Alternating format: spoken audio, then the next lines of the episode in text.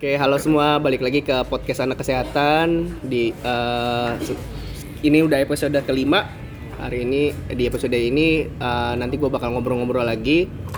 Sebelumnya makasih banyak sudah mau mendengar sampai episode kelima ini. Eh, nah di episode kali ini gue nggak sendirian, nggak berdua juga, tapi bertiga. Wih, ya. rame. Nah ini udah bisa beneran. Jadi eh, di episode kelima ini gua karena gua spesial bentar lagi purna, istilahnya selesai selesai bertugas menjadi mengikuti program Nusantara Sehat. Nah gua gua ngambil topik di di episode kelima ini adalah ngebahas mengenai curhatan eh, pasca purna. Sebelum gua mulai, gue pengen kenalin dulu nih teman-teman gua nih yang yang bakal bantu di episode kali ini. Yang pertama sudah pernah ikut di podcast gua, cuma bo- boleh kenalin diri dulu nih siapa namanya? Hai, udah pernah dengar suara ini? Ya. Gue Neni Yunita, eh, alumni NS Batch 5, Oh, NS Team NS Team ya, NS Team Batch 5, asal asal Jambi, SKM. sekarang kesibukan Kesibukan sekarang duduk-duduk di pelabuhan. dia dia sekarang udah jadi PNS di kantor kesehatan karantina. pelabuhan Iya. karantina Ah, Karantina susah lah dia tapi itu dibawa ke Menkes nah yang kedua nih siapa namanya bang silakan kenalan diri Ya, eh, oke. Perkenalkan nama saya Aswar Tamrin, Hmm. eh, NS Batch 8 ya, dan 8. yang mau juga purna NS Team NS Team ya, NS Team. Terus eh, penempatan di Puskesmas Kendahe, Ah, em, Kendari atau kendar? profesi sanitarian, Kesli. Tarian. Ya, Oke. asal asal Makassar. Wih. Jadi hari ini Makassar nih. Iya. mau Makassar nih. Makassar ini. Hari hari eh, hari eh, di episode kali ini gue bakal eh, ngobrol-ngobrol cerita-cerita bagaimana eh, apa sih yang kita hadapin gitu kan selama jadi eh, selama bekerja di tempat penugasan dua tahun ini. Jadi kita bakal cerita-cerita banyak apa yang dihadapin gitu kan apa ekspektasinya nggak dapat gitu. Nah ini eh, di apa namanya? Jadi dua dua orang ini yang bantu gue Neni sama Aswar dia eh, sama-sama NS di Sangihe. Sama-sama NS Sangihe yang satu SKM satu Kesling Se- semoga sih ini dari obrolan kita bisa mewakili apa yang wih iya nih ternyata emang kayak gini ya masalah-masalah. Jadi kita bakal ngobrol kayak masalah-masalah yang dihadapin di puskesmas. Oke sebelum gue ini apa tadi kan kita gue udah kenalan diri gue pengen pengen tahu dulu sebelum pas lu ikut NS gue pengen tahu nih tujuan tujuan awal lo nih. Karena ini sama Bang Aswar. Tujuan awal lu ngikut NS apa sih? Terus kira-kira ekspektasi lu pas lu pengen ikut NS tuh apa? Mungkin dari siapa dulu nih? Laki-laki perempuan? Neni dulu lah. Wih, gue dulu. silakan silakan. Ya, Neni dulu kan, lebih senior kan. Oh gitu. ya, oke Tujuan awalnya sih pertama memang sebelum masuk NS sih gue udah honor sih honor di salah satu puskesmas eh, bukan bukan Dinas? badan badan pusat statistik oh BPS. Nah memang di sana cuma berapa bulan karena memang gue pengen itu kerja di bagian kesehatan karena kan memang basicnya kesehatan. Nah kebetulan sementara kerja di sana terus adalah bukaan itu NS tujuannya sih pertama itu karena memang pengennya kerjanya di di bidang kesehatan, Kesehatan. gitu itu tujuan utama Oh, lebih menyentuh masyarakat begitu ya. intinya sih di Oh, kesehatan biar kesehatan, di oh. mana juga biar bukan Itu- puskesmas itu- atau dinas itu- kesehatan itu, itu, gitu. tujuan tujuan awalnya yang Oke. pertama eh, kalau kalau bang lu bang tujuan awalnya itu lo apa ikut Oke. NS Tujuan awalnya sih ikut NS ini Nusantara Sehat ini sebenarnya kan awalnya saya kerjanya di kampusnya saya sendiri. Nah, jadi- saya kan ya saya alumni dari jadi dosen jadi dosen Wih. oh bukan asisten dosen Enggak juga sih. Namanya Poltekkes Makassar. Di mana se- sebelum setelah selesai saya ditarik ke sana untuk ya sebenarnya sih tambah-tambah ilmu juga sih sambil nunggu pekerjaan begitu. Jadi selama hampir 2 tahun di kampus terus dapat info masalah Nusantara Sehat ini dari dosennya saya juga. Nah, tujuan awalnya karena apa ya? Merasa ingin co ingin mencoba hal baru terus pengennya ilmu saya yang apa yang saya dapatkan di kampus itu saya bisa aplikasikan secara langsung kepada masyarakat begitu. Nah, Berarti- jadi mungkin tempat NS ini tempat yang pas begitu menurut saya. makanya yang, sat- ikut. yang satu bicara mengenai pengen pengalaman baru yang Ah, satu ah. intinya pengen bekerja kerja di bidang kesehatan tadi udah eh, tujuan tujuan awal kalau Ya. ininya bang kalau eh, kalau gue kan kalau gue emang sama lah tujuan awal pasti semuanya intinya cari kerja. Eh, iya. tapi kalau gue bicara eh, ekspektasi gue sama lah kayak gue tipe orang yang agak agak agak idealis. Gue Ya. juga pengen mengaplikasikan ilmu yang gue pelajari selama empat tahun gitu kan.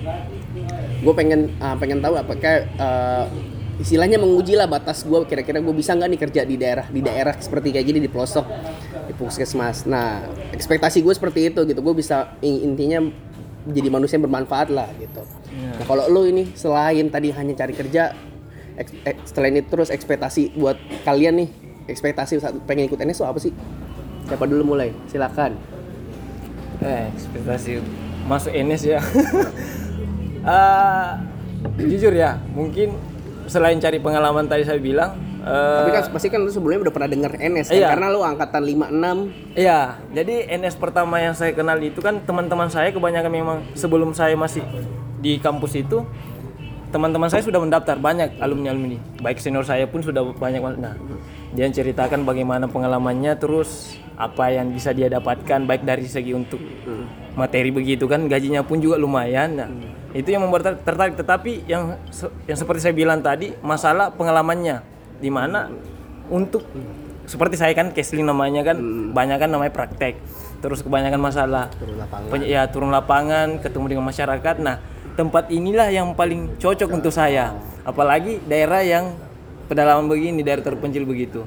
Nih, Nah, lu- jadi sangat lu pas kan lah. pas lah gitu. Pas untuk bilang saya oh apa ilmu saya yang dapatkan selama tiga tahun plus dengan saya pernah mengabdi di kampus oh cocok coba saya mau aplikasikan ke situ lo Neni gimana kalau ada ekspektasi atau lu pernah denger ya NS uh gue kayaknya nih gue denger NS gue langsung kayak gue pengen kayak gini gini gini Eh, jujur ya waktu itu di kalau di kampus gue sih gue orang yang ke ketiga atau keempat kayaknya. jadi udah pernah ada sebelumnya Ah, ah, senior itu di NS batch 2 dan NS batch 3. NS per- eh, yang pertama kali itu di NS batch 2 itu. Itu satu angkatan sama gua. Jadi waktu itu sih nggak terlalu banyak sih tanya-tanya sama dia juga. Cuma lihat postingan dia kayak gitu toh terus sama cuma baca sekilas-sekilas itu gimana sih NS Eh, jadi terpikir oh boleh nih kayak gitu ikut NS karena kan dia ditempatkan itu bukan di daerah kita kan jadi nanti itu kayak suatu kayak surprise kayak itu lo tiba-tiba dapet di tempat mana kayak gitu kan. Jadi karena memang eh gue juga suka jalan-jalan kayak gitu. Suka ya suka cari pengalaman-pengalaman apalagi bukan di daerah sendiri kayak gitu. Jadi gue bilang oh cocok sih kayaknya masuk NS kayak gitu. Intinya sama berarti kita sama nih. Inti- intinya adalah menguji ilmu yang sudah Iya. kita dapat di kuliah gitu. Kan Kuliah. oke jadi obrolan episode kali ini kita eh, gua nggak bakal istilahnya nggak bakal promoin Nusantara sehat tapi kita kita bakal ngobrolin lebih dalam lagi mengenai apa sih yang lo hadapin selama lo mengabdi 2 tahun. Kalau ini berarti dua tahun lalu lah karena dia udah dia udah pernah tahun lalu sudah satu tahun ini menjadi hampir satu tahun ya jadi PNS atau belum? belum 10 satu bulan. nanti ya Wih, bulan PNS ya. tahun depan Oke. Jadi nanti kita pengen gali lebih dalam apa sih eh, masalah-masalah yang lo, lo- kalian hadapin gitu. Kalian hadapin selama nusan selama jadi Nusantara sehat. Nah, otomatis nanti dihubungkan juga dengan tujuan lo kan, Bang. Eh, Neni, kira-kira sesuai nggak nih tuj- dengan tujuan ap- dapat nggak nih tujuan yang lo dap Ya, yang awal yang lo pertama kita rencanakan mas- gitu kan. ya. Nah, jadi untuk memulai, gue coba kira-kira eh, ada yang mau cerita duluan apa yang dihadapin selama 2 tahun ini? Mungkin oh kedua ya, dua boleh. tahun ya. udah mulai-mulai mau Atau- melupakan Melupakan ya. Atau gue coba pancing. Kalau gue gini Iya. bang, kira-kira lu juga ngerasain atau? Kalau gue gini, kalau gue, gue eh, saat perpikiran gue di Jakarta pas mulai ikut NS, gue kira orang yang eh, tinggal di daerah pelosok itu perilakunya itu eh, masih sangat belakang sekali gitu. Perilaku gaya hidupnya khususnya gaya hidup sehatnya itu masih belakang sekali. Terus gua kira masalah penyakit tidak menular itu nggak nggak terlalu nggak terlalu wow gitu nggak terlalu wow kayak di daerah perko- perkotaan tapi pas gue ikut NS anjir ternyata masalah penyakit tidak menular itu kayak gaya hidup yang nggak sehat sehat itu udah sekarang di daerah pelosok pun juga sama gitu kayak Ya. darah tinggi aja kayak gue di tempat di pulau itu aja darah yang punya darah tinggi malah ba- banyak, sekali. ya. Nah betul gue ngerasain gitu kayak gue apa kayak ekspektasi gue kayak gue gue kira orang yang di, di- eh, tinggal di daerah pelosok itu lebih sehat sehat tapi ternyata eh, dalam artinya sehat di masalah penyakit tidak menular gitu tapi ternyata kondisinya hampir sama dengan kayak perkotaan. Lu, lu ngadepin kayak gitu juga lu dari kalian berdua Kalau di tempat gue, ya sih memang eh, paling tinggi kan memang hipertensi ya Nah. di wilayah kerjaku yang paling tinggi itu memang penyakitnya hipertensi dan itu mungkin gaya hidup sih memang karena mereka kayaknya eh, informasi keterpaparan informasi itu masih kurang di sana kayak itu. Jadi mereka biasa ya namanya apalagi di laut kan mereka untuk safety untuk makanan itu otomatis mereka Mengawetkan. ah, ah, mengawetkannya itu dengan kondisi garam mungkin yang berlebih atau bagaimana gitu toh terus juga gaya hidupnya emang ah, mau nggak mau mau nggak mau harus ah, ah, dia lakukan gitu, kan ah, ah.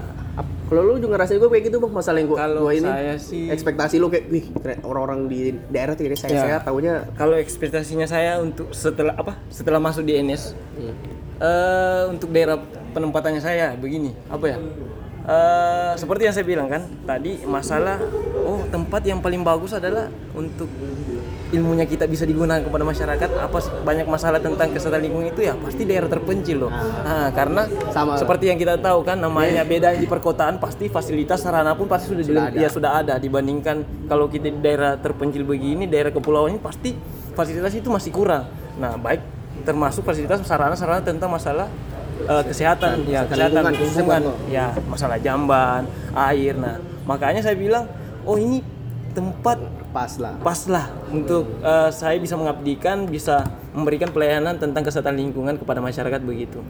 Jadi eh, tapi sesuai nggak?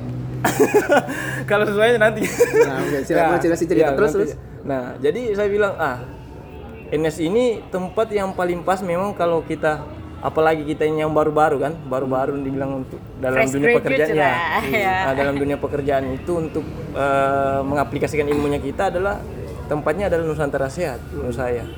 Karena sangat mengena sih begitu ya. Terus?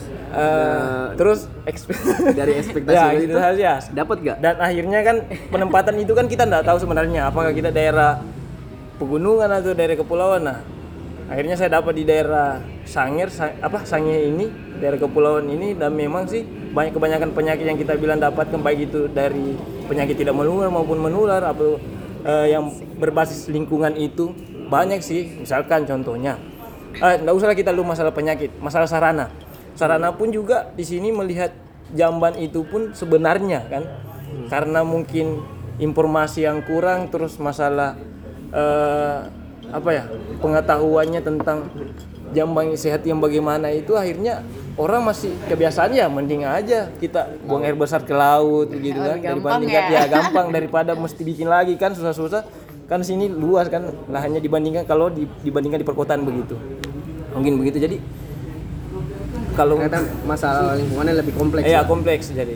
Kompleks. Jadi apalagi? semangat sih semangat sih untuk bekerja untuk lebih apa eh, mengaplikasikan ilmunya kita begitu gue waktu itu yang kaget itu eh, misalnya kayak kita di kota-kota itu udah nggak mikirin tuh pustu itu ada bidan di pustu. Tapi di sana kita itu masih baru mau mikirin itu pustu itu kosong terus siapa yang mau nungguin pustu Ah, kayak gitu. iya. itu yang maksudnya ya di, di sedangkan di kotaan di perkotaan itu orang udah udah nggak mikirin lagi tuh eh, kekurangan orang terus tidak- tidak memikir lagi siapa yang mau ditempatkan di pustu karena memang banyaknya tenaga honor banyaknya itu tenaga harian lepas atau sebagainya sukarela dan lainnya. Kalau di sini tuh kita masih mikir siapa yang mesti menuhin itu pustu kayak gitu. Terus juga di mana aksesnya juga susah kayak gitu kan. Itu sih yang oh kayak gitu.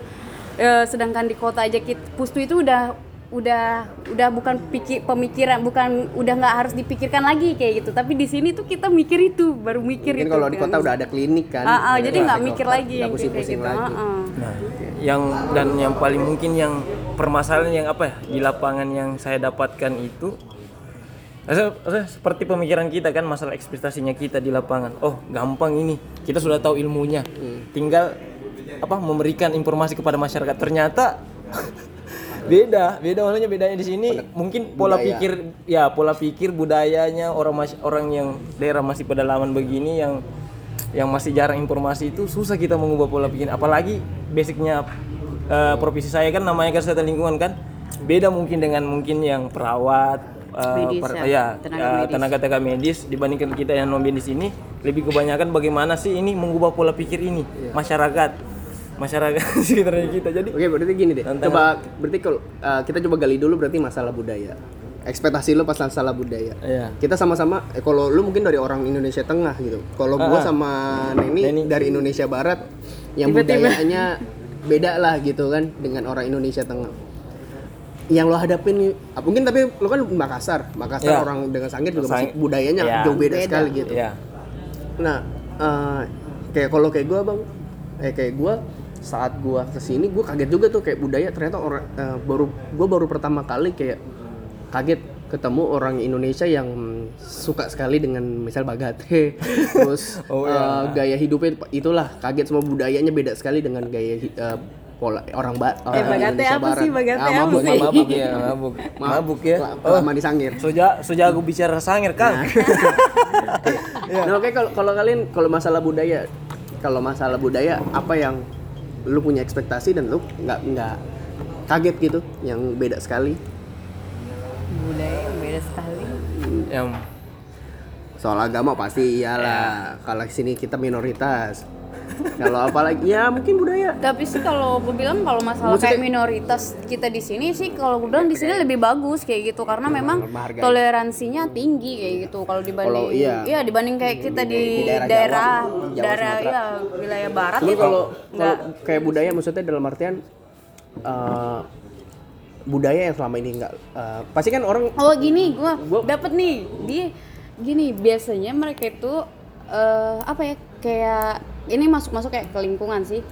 Itu kadang tuh gue lihat itu rumahnya tuh udah bagus banget di depan. Hmm. Terus ternyata tuh dapurnya itu cuma gimana gitu. Ah, Padahal kan. Nah, ah, padahal kan sebenarnya kan tempat yang paling sering untuk mereka mengolah makanan, untuk mereka Hmm. itu sebenarnya tuh di dapurnya itu kayak gitu. Padahal tuh sebenarnya mereka bisa kayak gitu. Cuman nggak tahu kenapa Oke. mereka mereka nggak mau. Terus juga di dalam rumah itu ada memang disisakan tempat eh yang memang nggak di plester atau di semen kayak gitu memang isinya itu pasir dan mereka lebih senang tidur di pasir itu kayak gitu. Gue Ah, kaget ih bagian kenapa? gitu. Kayak gitu. ah. Ya.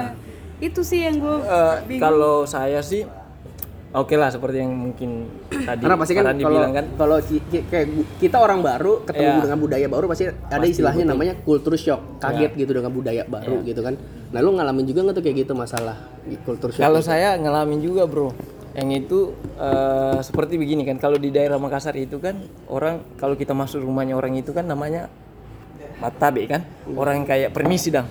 Kalau di sini sampai masuk rumah itu pakai sandal loh. Iya pakai sandal. Maksudnya pakai sandal pakai sepatu itu biasa biasa. Kan kalau di sana itu kita tidak sopan maksudnya kalau begitu. Bagaimana caranya kita ke rumahnya orang ya harus sopan sampai di rumahnya kan? Nah kalau di sini biasa karena mungkin Eh, ya dibiasakan mungkin memang budaya yang di sini pakai sandal pun tidak apa-apa masuk dalam walaupun kita sudah dari keluar. Eh, baik itu pun pilariannya pun masuk di dalam pun tidak dilarang kan? Jadi itu salah satunya. Nah yang paling bikin kaget saya sih itu. Karena mungkin di sini may- mayoriti mayoritas non muslim nah yang ses- apa dari hasil pendatanya kami kan kemarin kan kami melakukan pendataan PSBK yaitu kebanyakannya eh, apa yang sepasang yang tidak belum menikah tapi sudah kumpul sama-sama. itu ya, itu Pasti yang paling kaget juga kan? paling kaget sekali. Karena kan kalau di kampungnya saya itu kan yang begituan jarang. Ah. Jarang dan itu dibilang sudah Hal yang tabu lah. Ya, hal tabu untuk di wilayah kami. Nah, di sini dianggap biasa. Dianggap biasa. Jadi ya sedikit miris sih juga melihat sih mungkin kan. dan menurut gue menurut gue jadi itu jadi masalah di bidang kesehatan ya. Kalau gue ngerasain Iya, karena betul. karena kalau eh, ada yang enam kasus kayak pernikahan pernik eh, di, di pernikahan di luar, luar- eh di luar i- resmi lagi Iya. istilahnya. Pertama banyak kan terjadi juga di anak-anak usia eh u- masih usia anak-anak Iya. di bawah 20 Iya. tahun. Itu Belum cukup kan. umur begitu. Hmm. Itu terus eh, yang buat miris juga eh, kondisinya adalah jadinya mereka nggak dapat pelayanan akses kesehatan gitu. Harusnya misalkan ini dia udah punya anak, anaknya bisa dapat KIS, Iya, nggak dapat pelayanan dapat. kesehatan. Itu itu itu jadi miris kan? Ya, kalau menurut saya sih betul itu eh, apa Farandi yang kamu bilang karena seperti yang saya apa pengalaman saya pas turun di lapangan itu kan sesuai dengan isu-isu yang sebelum kita masuk di NS itu kan kementerian itu lebih fokusnya ada tiga isu kan sebenarnya masalah imunisasi, stunting, terus masalah eh, apa kematian Ibu, ibu hamil eh, apa ibu anak. Iya, ibu anak. Nah, itu kan yang kemarin lebih prioritasnya. Nah, ternyata ketika kami turun lapangan memang pas PSPK itu karena mungkin budayanya yang masih dibilang menikah di usia muda kan atau sudah hamil di luar nikah begitu kebanyakan begitu akhirnya ada anaknya yang tidak terurus sampai imunisasi yang tidak lengkap. Iya. Nah, terus eh, karena masalah dia belum cukup usia akhirnya ka- apa kartu keluarga itu kakaknya itu belum bisa dibikin akhirnya KIS tidak bisa. Nah, itu jadi hambatan untuk ini eh, Kayak, si kayak kalau masalah PSPK kan berarti dia nggak dapat nilainya Iya, jauh banget gitu sudah bisa itu. sudah jatuh di situ, sudah jatuh. nilai nilai IKS-nya Ah, ah, kan. kebanyakan begitu. Nah, Jadi kalau yang nggak tahu nilai IKS, coba kalian googling. Kalau kalian mau jadi calon tenaga kesehatan, IKS itu apa? Ini program nasional, program Ya. Kemenkes. Coba tadi tahu lah. Kalau kita jelasin di sini bisa panjang lah ya. Iya. Nah, yang Nanti sa- salah baru satunya lagi. juga kalau kita melihat di pulau, seperti tadi yang bilang, sama eh, Neni katanya kan di pulau itu masalah tidur di luar itu kita dapat juga Bukan di- iya, di tidur di- pasir, iya, di pasir kan dibandingkan di Tapi emang emang nggak nggak bagus buat kesehatan. Enggak, dia di dia itu di rumahnya, tapi di rumahnya itu memang disisakan memang ada pasir kayak gitu. Terus mereka tidur situ. Sebenarnya kan kalau itu Pasir kan ditumpuk gitu. Ah, ah, jadi dia tuh kalau misalnya memang dia nggak terpapar panas kan itu bisa Iya. menularkan penyakit. Apalagi kalau TB kan TB lumayan banyak di sini tuh. Nah, Secara saya tanya, lingkungan begitu kan, Pak, Ah, ya. ya? Saya tanya juga, kenapa sih kebanyakan masyarakat dia lebih suka di luar karena itu katanya kalau di dalam rumah panas. Lebih kalau Karena di daerah pantai, ya, daerah pantai kan. Nah, kalau di kebanyakan kepulauan itu kan kita kan terdiri banyak kepulau, maksudnya pulau-pulau kecil begitu. Nah, jadi aksesnya kenapa tidak lengkapnya imunisasi untuk bayi-bayinya karena itu sih pelayanan akses ke sananya. Jadi ya misalkan imunisasinya sebenarnya mesti harus tiap bulan kita adakan imunisasi untuk eh, si bayinya. Akhirnya Terkendala. terkendala dengan- harus enam bulan sekali.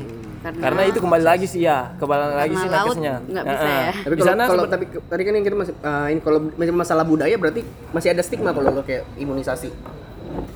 Yang Kalau misalnya kalau di kalau kita kan di daerah muslim ada stigma imunisasi Ya, itu haram. hara- ada ya, ya, Haram. ada beberapa Ya. yang Kalau lo haram. ngadepin gitu nggak? Enggak sih kalau gua enggak dapet sih yang kayak gitu. Kalau Ah. kalau gue ngadepinnya eh, jadi imunisasi kenapa nggak pernah cakupannya bagus karena imunisasi eh, ada kepercayaan kalau anaknya sudah demam berarti nggak cocok diimunisasi. Abis itu nggak diimunisasi lagi dia di mana di wilayahnya Farhan? di di wilayah gue di Ah. kerja gue kemarin dua tahun kayak gitu. Jadi dia kalau mereka kan kalau Nasrani nggak ada nggak ada haram iya, atau nggak ada enggak. haramnya. Jadi mereka Fine-fine fine fine aja. aja, cuman kalau udah anaknya demam saat imunisasi mau pertama lagi. sudah lanjut nggak mau Iya. lanjut. Iya. Lo ngerasain juga gitu? Ah. Karena budayanya kayak gitu. Farandi pernah dengar nggak yang masalah yang kemarin vaksin rubella? Ah, emang, Ah.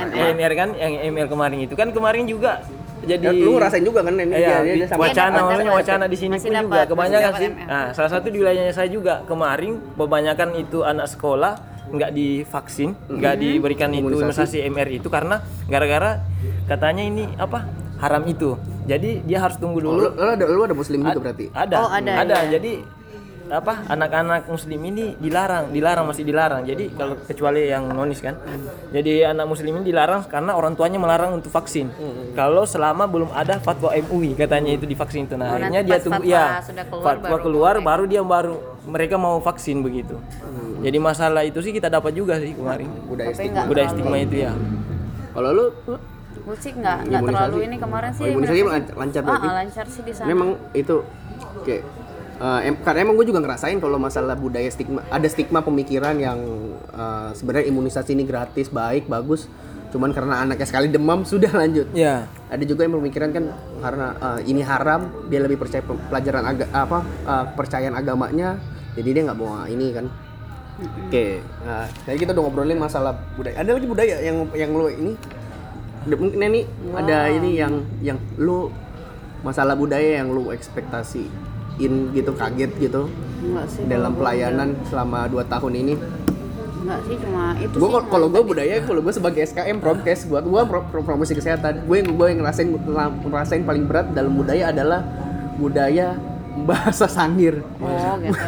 gue gue gue rata-rata yang rajin ikut uh, penyuluhan gue adalah orang-orang orang tua gitu Ha-ha. yang kurang memahami bahasa Indonesia jadi otomatis gue tuh harus ngomongin tuh pelan-pelan atau gue pakai bahasa isyarat gitu ngomongin ngejelasin kalau mengenai edukasi lu gitu juga gak? kalau apalagi karena kalau orang-orang di sini lebih mengerti bahasa Sangir atau bahasa Manado dibanding Manado. bahasa buku kan Iya. kalau di tempat lu Pasti kalau.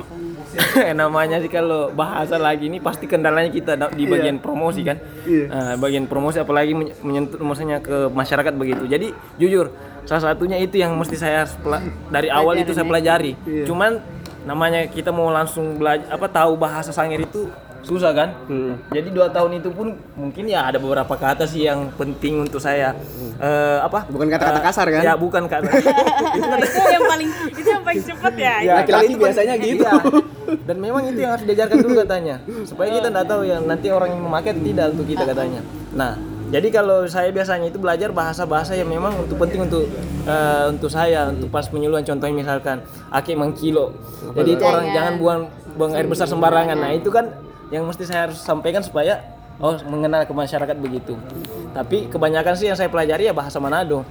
Karena memang ya lebih mudah nih lebih mudah, lebih mudah. bahasa Sangir kan ya. kalau lu ngalamin juga Eh, pastilah kalau gue paling tapi memang gue waktu itu punya solusi waktu itu ke ketika memang itu gue ada di situ kan memang ada juga yang bagian promkes kan jadi berdua jadi Oh, ada- ada berdampingan jadi puskesmas. Ha-ha, jadi ketika gue ini dia nyambung pakai Ya, bahasa Sangir Sangirnya, jadi dia dia translate sama dari minta kayak gitu. Sama pada perawat samping gua translatein Ah, ah. penerjemah. Ah, ah, gitu sih cuma terus tapi memang kadang-kadang juga sebelum itu gue udah tanya-tanya tuh sama itu ini apa bahasa Sangirnya nanti ini apa kayak gitu sih cuma Iya. paling Jadi emang emang semua jadi hambatan buat kita ya kalau bukan orang baru kan bukan ya bukan orang asli bukan di sini asli kan asli sini gitu untuk Dan- mela- pendekatan. Pergi kalau yang kayak kita kita kerjaannya itu ngomong-ngomong beda kan sama dokter gitu kan.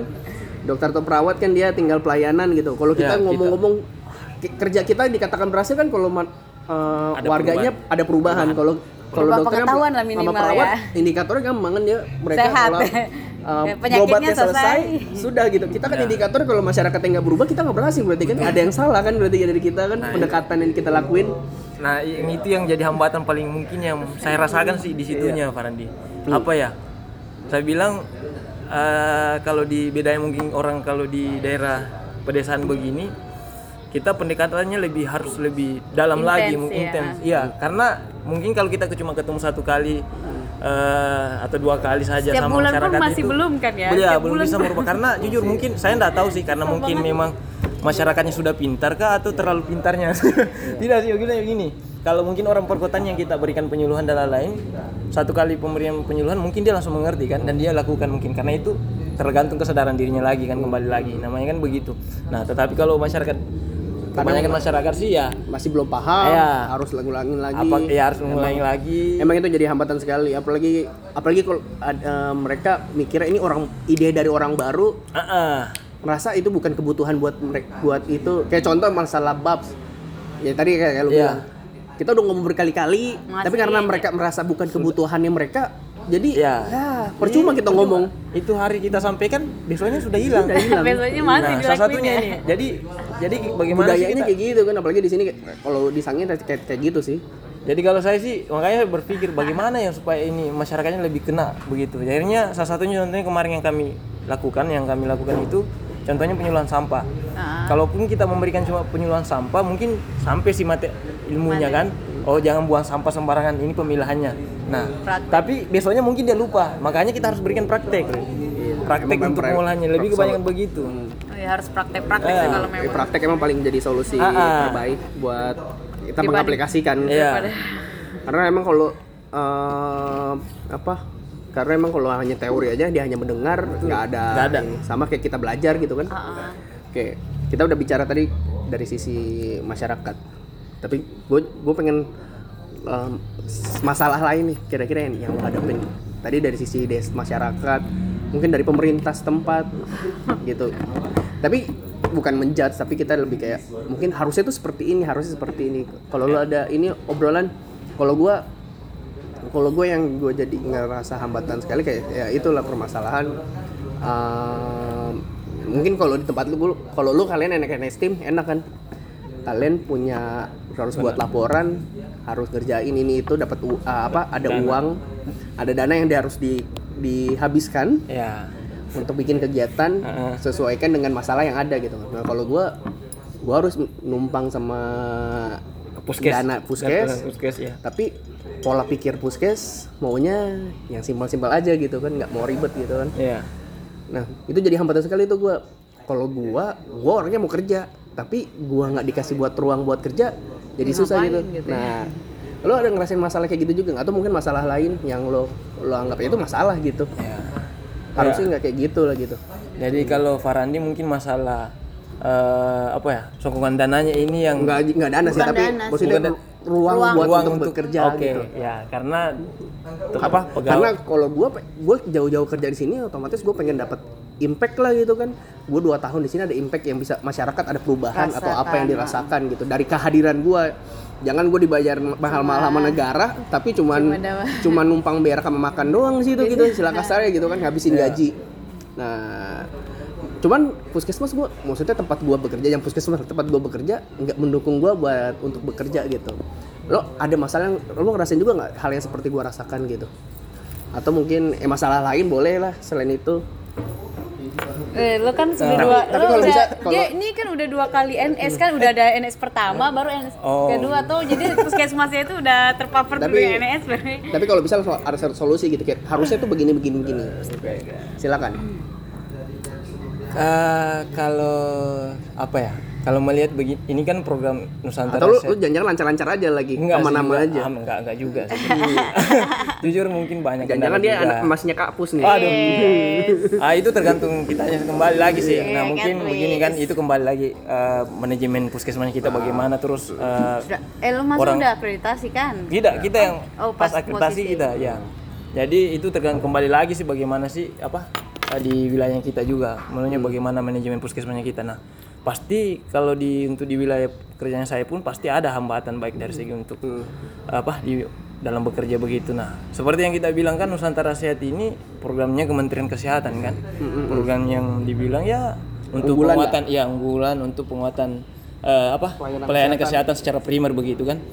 Jadi secara primer ini kan ada tiga yang sebenarnya pemenuhannya masalah sarana fasilitasnya, infrastrukturnya sama SDM-nya. Nah, kalau SDM-nya kita misalkan jadi kita sudah terpenuhi masalah SDM-nya kita sudah ada. Kita sudah ada tapi baik baik sarana fasilit sarana dan fasilitasnya itu mungkin menurut saya itu yang jadi eh, kendala saya untuk bekerja. Misalkan saya Sarana sebagai apa sebagai iya, Kesling, kan dia butuh alat senjata juga kan pasti.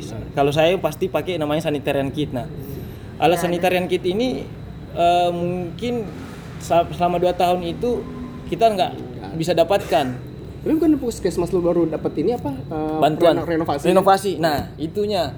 Jadi kalau kalau secara infrastrukturnya kita itu sudah Bagus. ada bagus. Gedungnya Baik- bagus.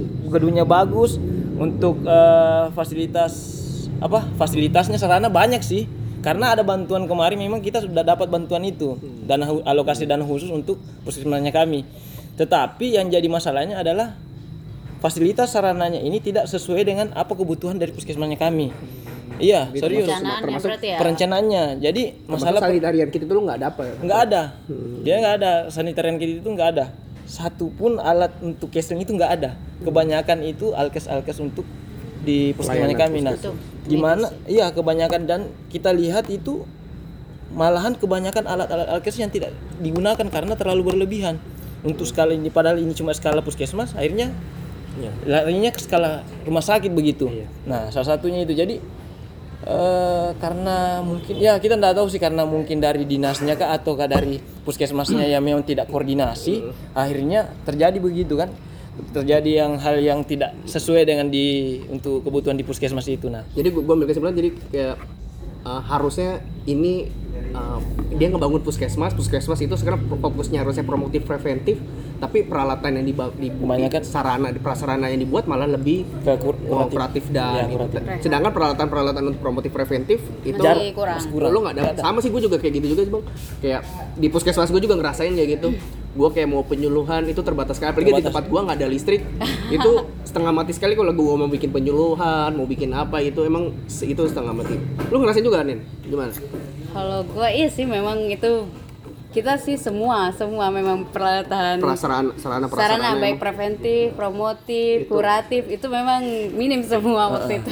Memang posisinya minim semua. jadi apa ya kurangnya mungkin saya bilang eh, dari segi untuk pengawasan itu sih juga sih mungkin Kor- per- pengawasan dan Kalau- koordinasi. Kalau gue sih Karena- mikir iya mikirnya gitu sih. Memang eh, karena memang itulah kadang itu kalau gue tuh mikir itulah sebenarnya itu gimana misalnya misalnya orang di atas atau di bagian pusat itu mau kasih yang yang memang dibutuhkan kadang itu kita merencanakan atau memberikan data dari bawah itu yang enggak Iya. Nggak enggak sesuai. sesuai. jadi Mereka pengen pikir ajuin aja gitu. ya ajuin Ya, aja ajuin yang penting aja. tidak CC kayak itu terus pas di didatengin itu nggak bisa Nggak, iya. bukan buat kebutuhan di situ Bukan kayak gitu di Tapi ada, ada juga ngapain gue gitu pernah diskusi dengan orang dinkes, dia mereka merasa bahwa uh, mereka nggak pernah ngajuin tiba-tiba ada gitu dikirim aja ada aja. Kayak contoh gue kalau di gue bang di puskesmas gue mana ini uh, ada peralatan set gigi, Set pelayanan gigi, Tapi poli nggak gigi, ada- tapi nggak ada dokter gigi Nggak ada gigi. giginya. ngapain Ya ampun, itu kan sama aja. kalau saya bang Hmm. saya sampai dua dua itu set, anu apa peralatan untuk set gigi itu Hmm.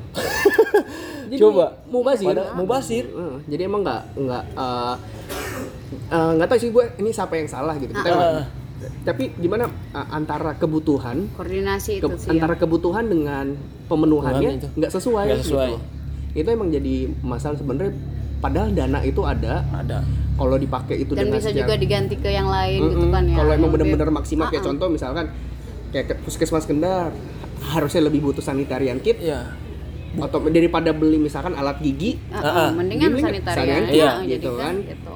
Dan itu bakal lebih efektif gitu. Nah itu menjadi permasalahan sih menurut gue itu emang nggak eh, permasalahan nggak tahu sih kalau di daerah perkotaan tapi berarti ini eh, untuk di daerah kita masalah sekali gitu kan. Masa eh, mengenai sama apa sarana prasarana. Obat-obatan dulu ya yang, Ya, yang susah banget obat- karena obat-obatan memang susah. gue waktu itu tanya kan sama temen gue kenapa sih bisa sampai susah banget kayak gitu obat? Hmm. kayak gitu. Dia bilang karena kan kita ini kan kotanya kecil kayak gitu kan terus juga kita juga nggak bisa beli obat sendiri kayak itu. Ada beberapa puskesmas kan yang, yang e-katalog itu kan. Nah waktu itu puskesmas gue nggak bisa karena memang kata dia bilang gitu kebu- eh, kebutuhan obatnya itu belum skala besar. Jadi cuma jadi itu di dikelola oleh dinas kayak gitu kan. Nah dan kalaupun itu karena masih sedikit distributor itu juga kadang ini dan jauh juga kan mahal kayak gitu jadi mereka nggak terlalu ini sih nggak bisa ob- gitu obat gue pernah bahas di podcast gue sebelumnya.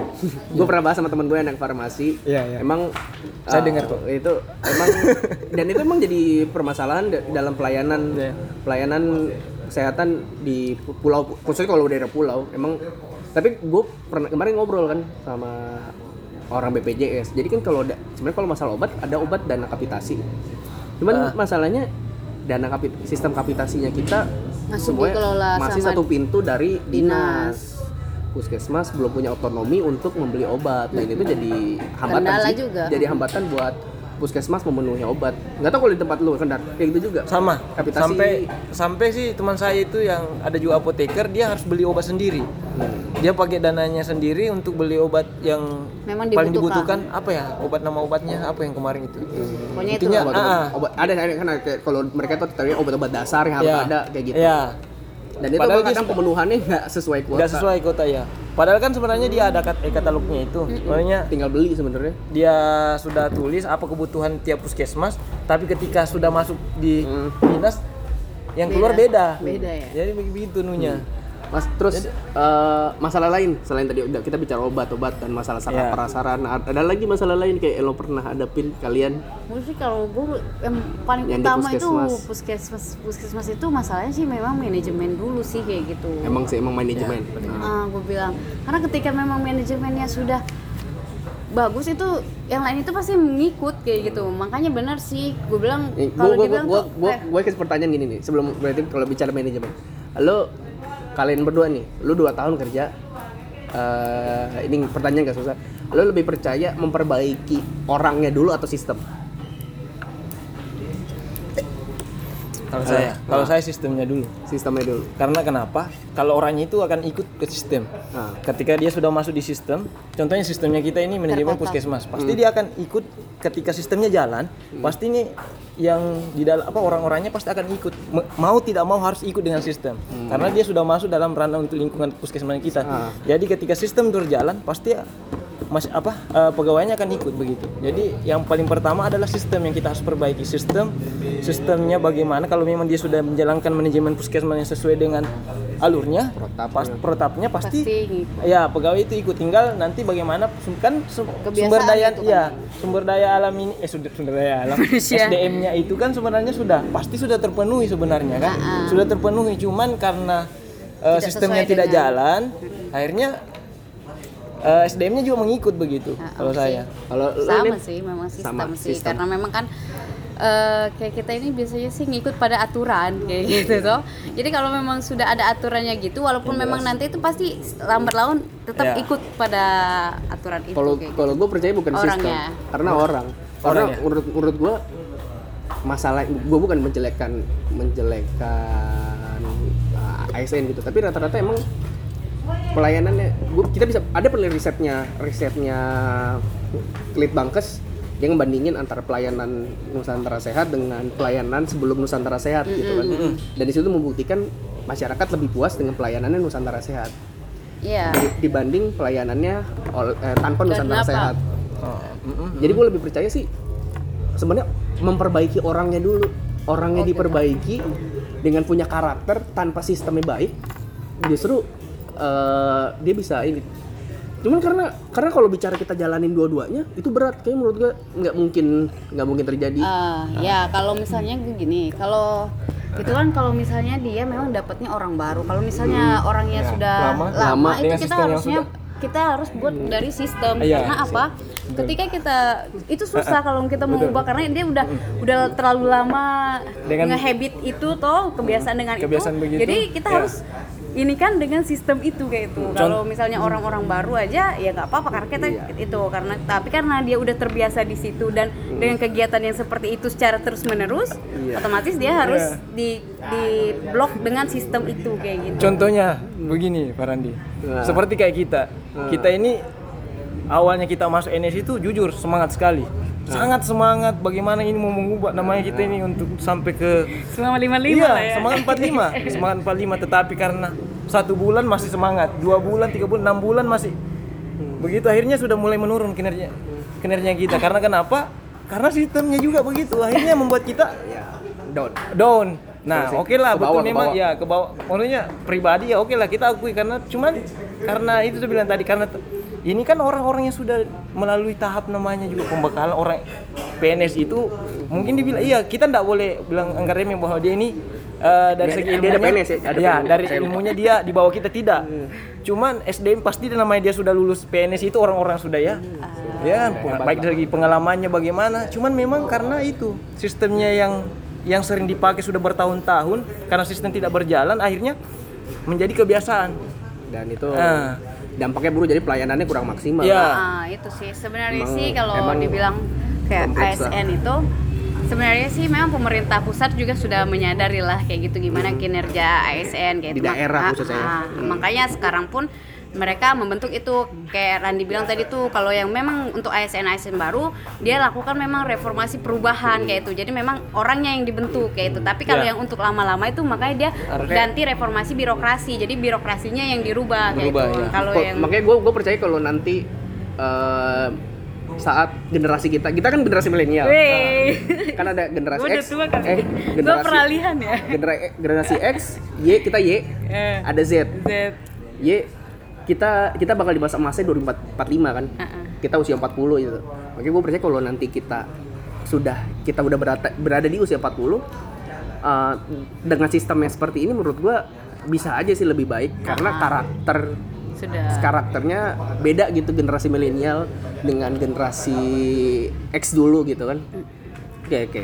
Tadi nah kan eh, karena emang dari masalah sistem tadi kalau bicara sistem manajemen emang permasalahannya padahal eh, pemerintah maupun daerah pusat itu berapa kali udah melaksanakan kayak pelatihan manajemen bahkan ak- untuk akreditasi aja setiap kampus dengan kepala TU TU itu harus Ikut ikut, pelat- pelatihan, pelatihan manajemen. manajemen. Cuman emang yang jadi masalah adalah menurut gue ya ini uh, kenapa manajemen dan sistemnya nggak bisa berjalan karena uh, karena anggaran kan pelatihan manajemen itu hanya diikuti oleh kampus dengan kepala TU. Terus nggak semua kampus dan kepala TU mengimplementasikan dan mensosialisasikan apa yang dia dapat ke anak buahnya dan itu yang jadi jadi masalah sih. Iya. Jadi masalah jadi sistemnya yang harusnya diharapkan membaik baik jadi gitu-gitu aja dan dan menurut gua mo- momen akreditasi ini bukan momen untuk meningkatkan kualitas tapi momen hanya untuk eh, ya sekedar untuk Yang penting terakreditasi. terakreditasi aja gitu. Itu sih gua, gua karena puskesmas juga gua dalam beberapa bulan ini emang lagi menyiapkan akreditasi. Bulan November dep- tahun bulan depan mau ada penilaian. Eh, dan gua ngerasain sekali itu akreditasi ya cuma hanya sekedar untuk memenuhi syarat aja bukan untuk meningkatkan pelayanan. Eh, kalau gue sih nggak setuju ya. Kalau gue memang gue setuju sih dengan akreditasi ini kayak gitu. Karena apa Se- memang sih nggak mungkin lah bisa rubah langsung blok kayak gitu jadi pelayanan yang baik kayak gitu. Tapi setidaknya dengan akreditasi ini mereka itu membaca mereka membaca nih apa-apa yang harus mereka kerjakan. Jadi tuh yang mereka sebenarnya se- profesi. yang sebenarnya mereka tuh nggak tahu sih oh harusnya tuh Iya. sebenarnya kayak gini harusnya sebenarnya kayak ini. Jadi tuh gue bilang ini kayak momen sebenarnya ngasih tahu loh sebenarnya tuh kalian Ya. tuh kerjanya gini kayak gitu. Kita itu kita tuh kerjanya gini kayak gitu. Nah itulah momennya di akreditasi ini. Makanya itu ada dia kayak kayak akreditasi nanti di reakreditasi lagi tuh diper, diperbarui. Jadi memang gue bilang kalau akreditasi ini cukup signifikan sih membuat minimal Ada- memberitahu lah kayak gitu dulu. Sebenarnya harusnya itu. harusnya bagaimana gitu. Ada minimal iya Lu ada perubahan, Bang, ada setelah akreditasi? sedikit. Ada. Nah, Ada perubahan. walaupun Ada pelayanan. sih ada Cuman emang ya itulah sih tapi memang sistemnya itulah emang kan- masih kurang. Nah, eh, karena dia terkesan cuma memenuhi akreditasi itu jadi cepat-cepat kayak Iya, gitu iya. Kalau kalau gue gini, gue mikir pemikiran pemikiran gila gue gini.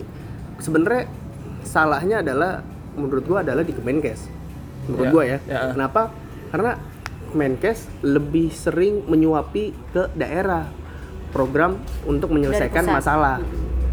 Harusnya menurut gue harusnya biarkan daerah itu mandiri dia cari solusi sendiri terus dia buatlah program sendiri untuk nyelesain biar dia buat sistem sendiri.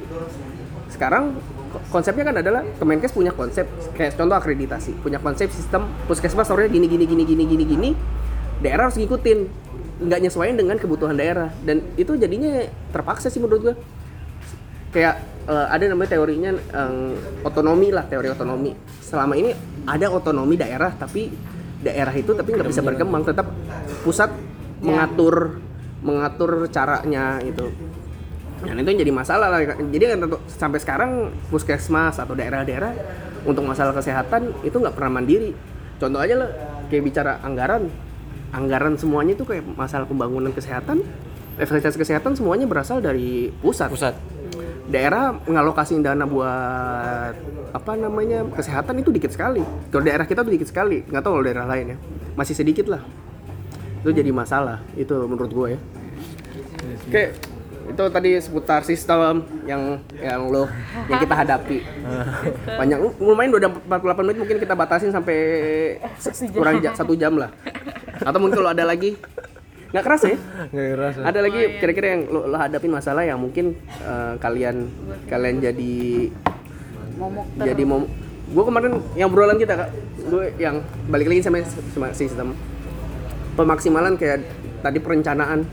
Itu yang jadi masalah tuh kayak uh, puskesmas itu punya data banyak kan Iya, hampir semua data dia punya sebenarnya iya. di gitu. SPK ada Mereka ada lu di Kesling juga ada kuesioner Ada. pendataan juga pendataan kan ada Gizi Cuman juga punya gizi sendiri. gizi ada terus apa lagi KIA itu KIA juga punya. juga Pokoknya ada. hampir semua program dia Program punya data masing-masing ya, dan itu dan sekarang lagi ada sis- ada program dari nasional dari Pak Jokowi ada programnya Big Data pernah dengar lo Big Data jadi gimana Semua data tersistem. semua data tersistem terus uh, dari data sistem ini perencanaan dan program yang dibuat Dari lebih situ. terarah gitu kan dan ini nggak pernah belum dimaksimalin ini sama puskesmas menurut gua sih iya. belum mengerti sih Gua sih- menurut lo apa yang salah tuh kenapa padahal mereka punya datanya cuman mereka nggak tahu mengelola atau meng- Ah, iya, memaksimalkan gitu sih. gimana menurut lo Jadi Iya. memang mestinya kayaknya sih kalaupun memang nanti harusnya eh, ada program itu yang big data itu memang mesti ada satu mungkin satu orang lah minimal kayak gitu khusus memang dia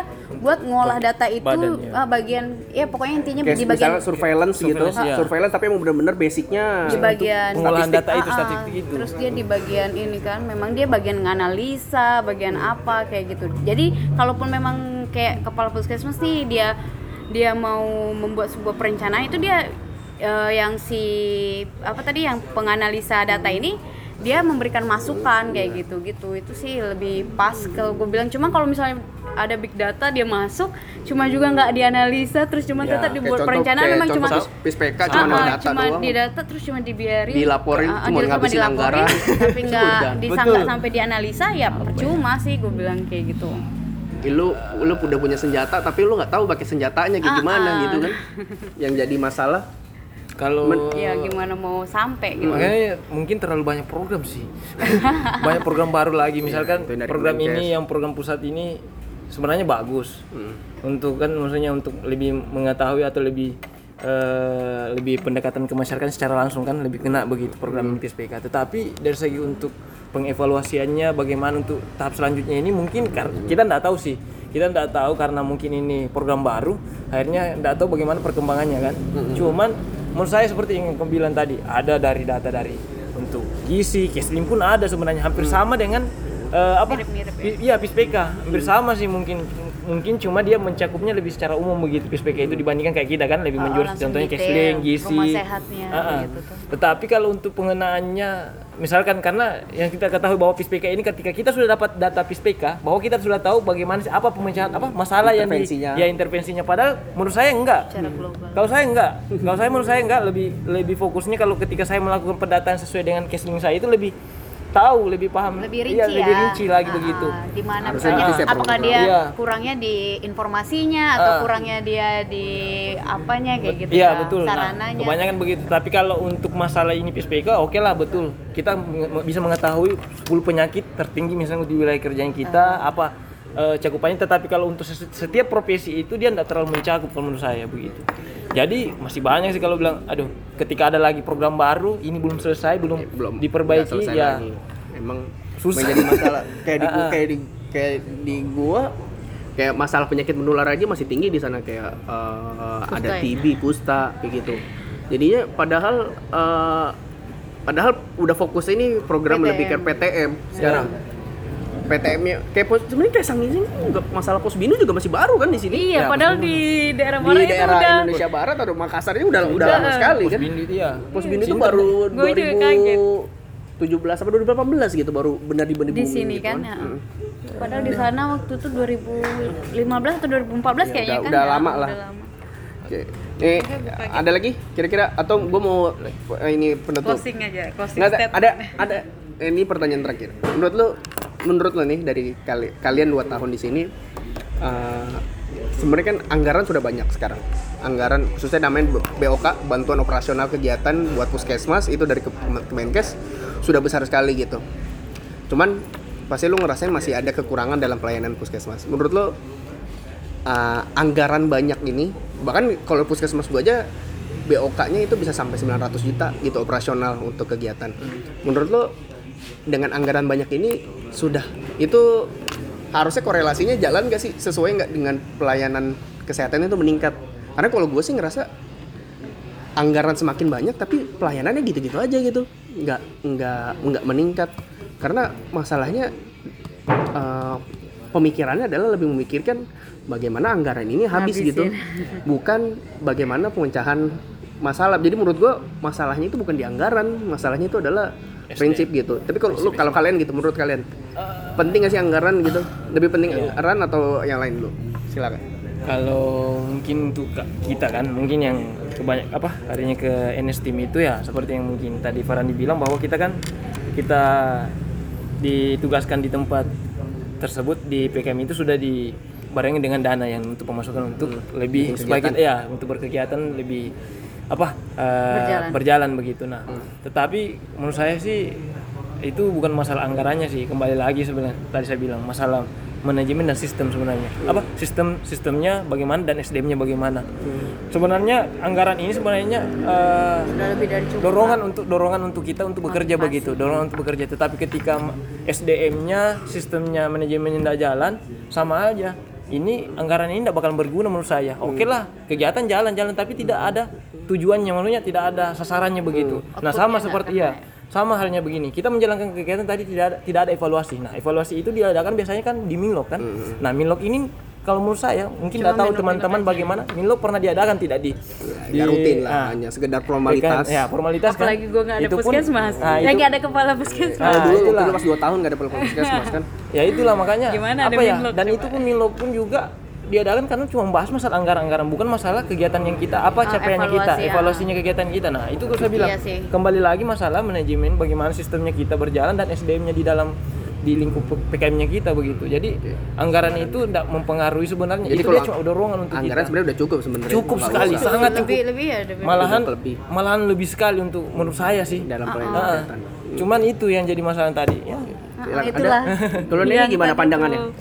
Kalau gue sih memang, iya benar sih kalau anggaran sih memang ya lebih dari cukup lah kayak gitu. Ya cukup lah itu untuk memang membangun sebuah pelayanan kesehatan menjadi lebih baik kayak gitu. Memang sih eh, terbukti juga kan memang ada peningkatan kayak gitu. Tapi mungkin peningkatannya tidak signifikan kayak gitu toh. Tapi memang eh, anggaran itu harusnya memang dibarengi dengan yang tadi yang dibilang sama Aswar tadi kan manajemen dan sistemnya kayak gitu. Bagaimana mereka mengelola anggaran itu eh, yang memang banyak walaupun cu- se- se- sedemikian rupa agar memang output yang diinginkan Dapat itu tercapai kayak gitu.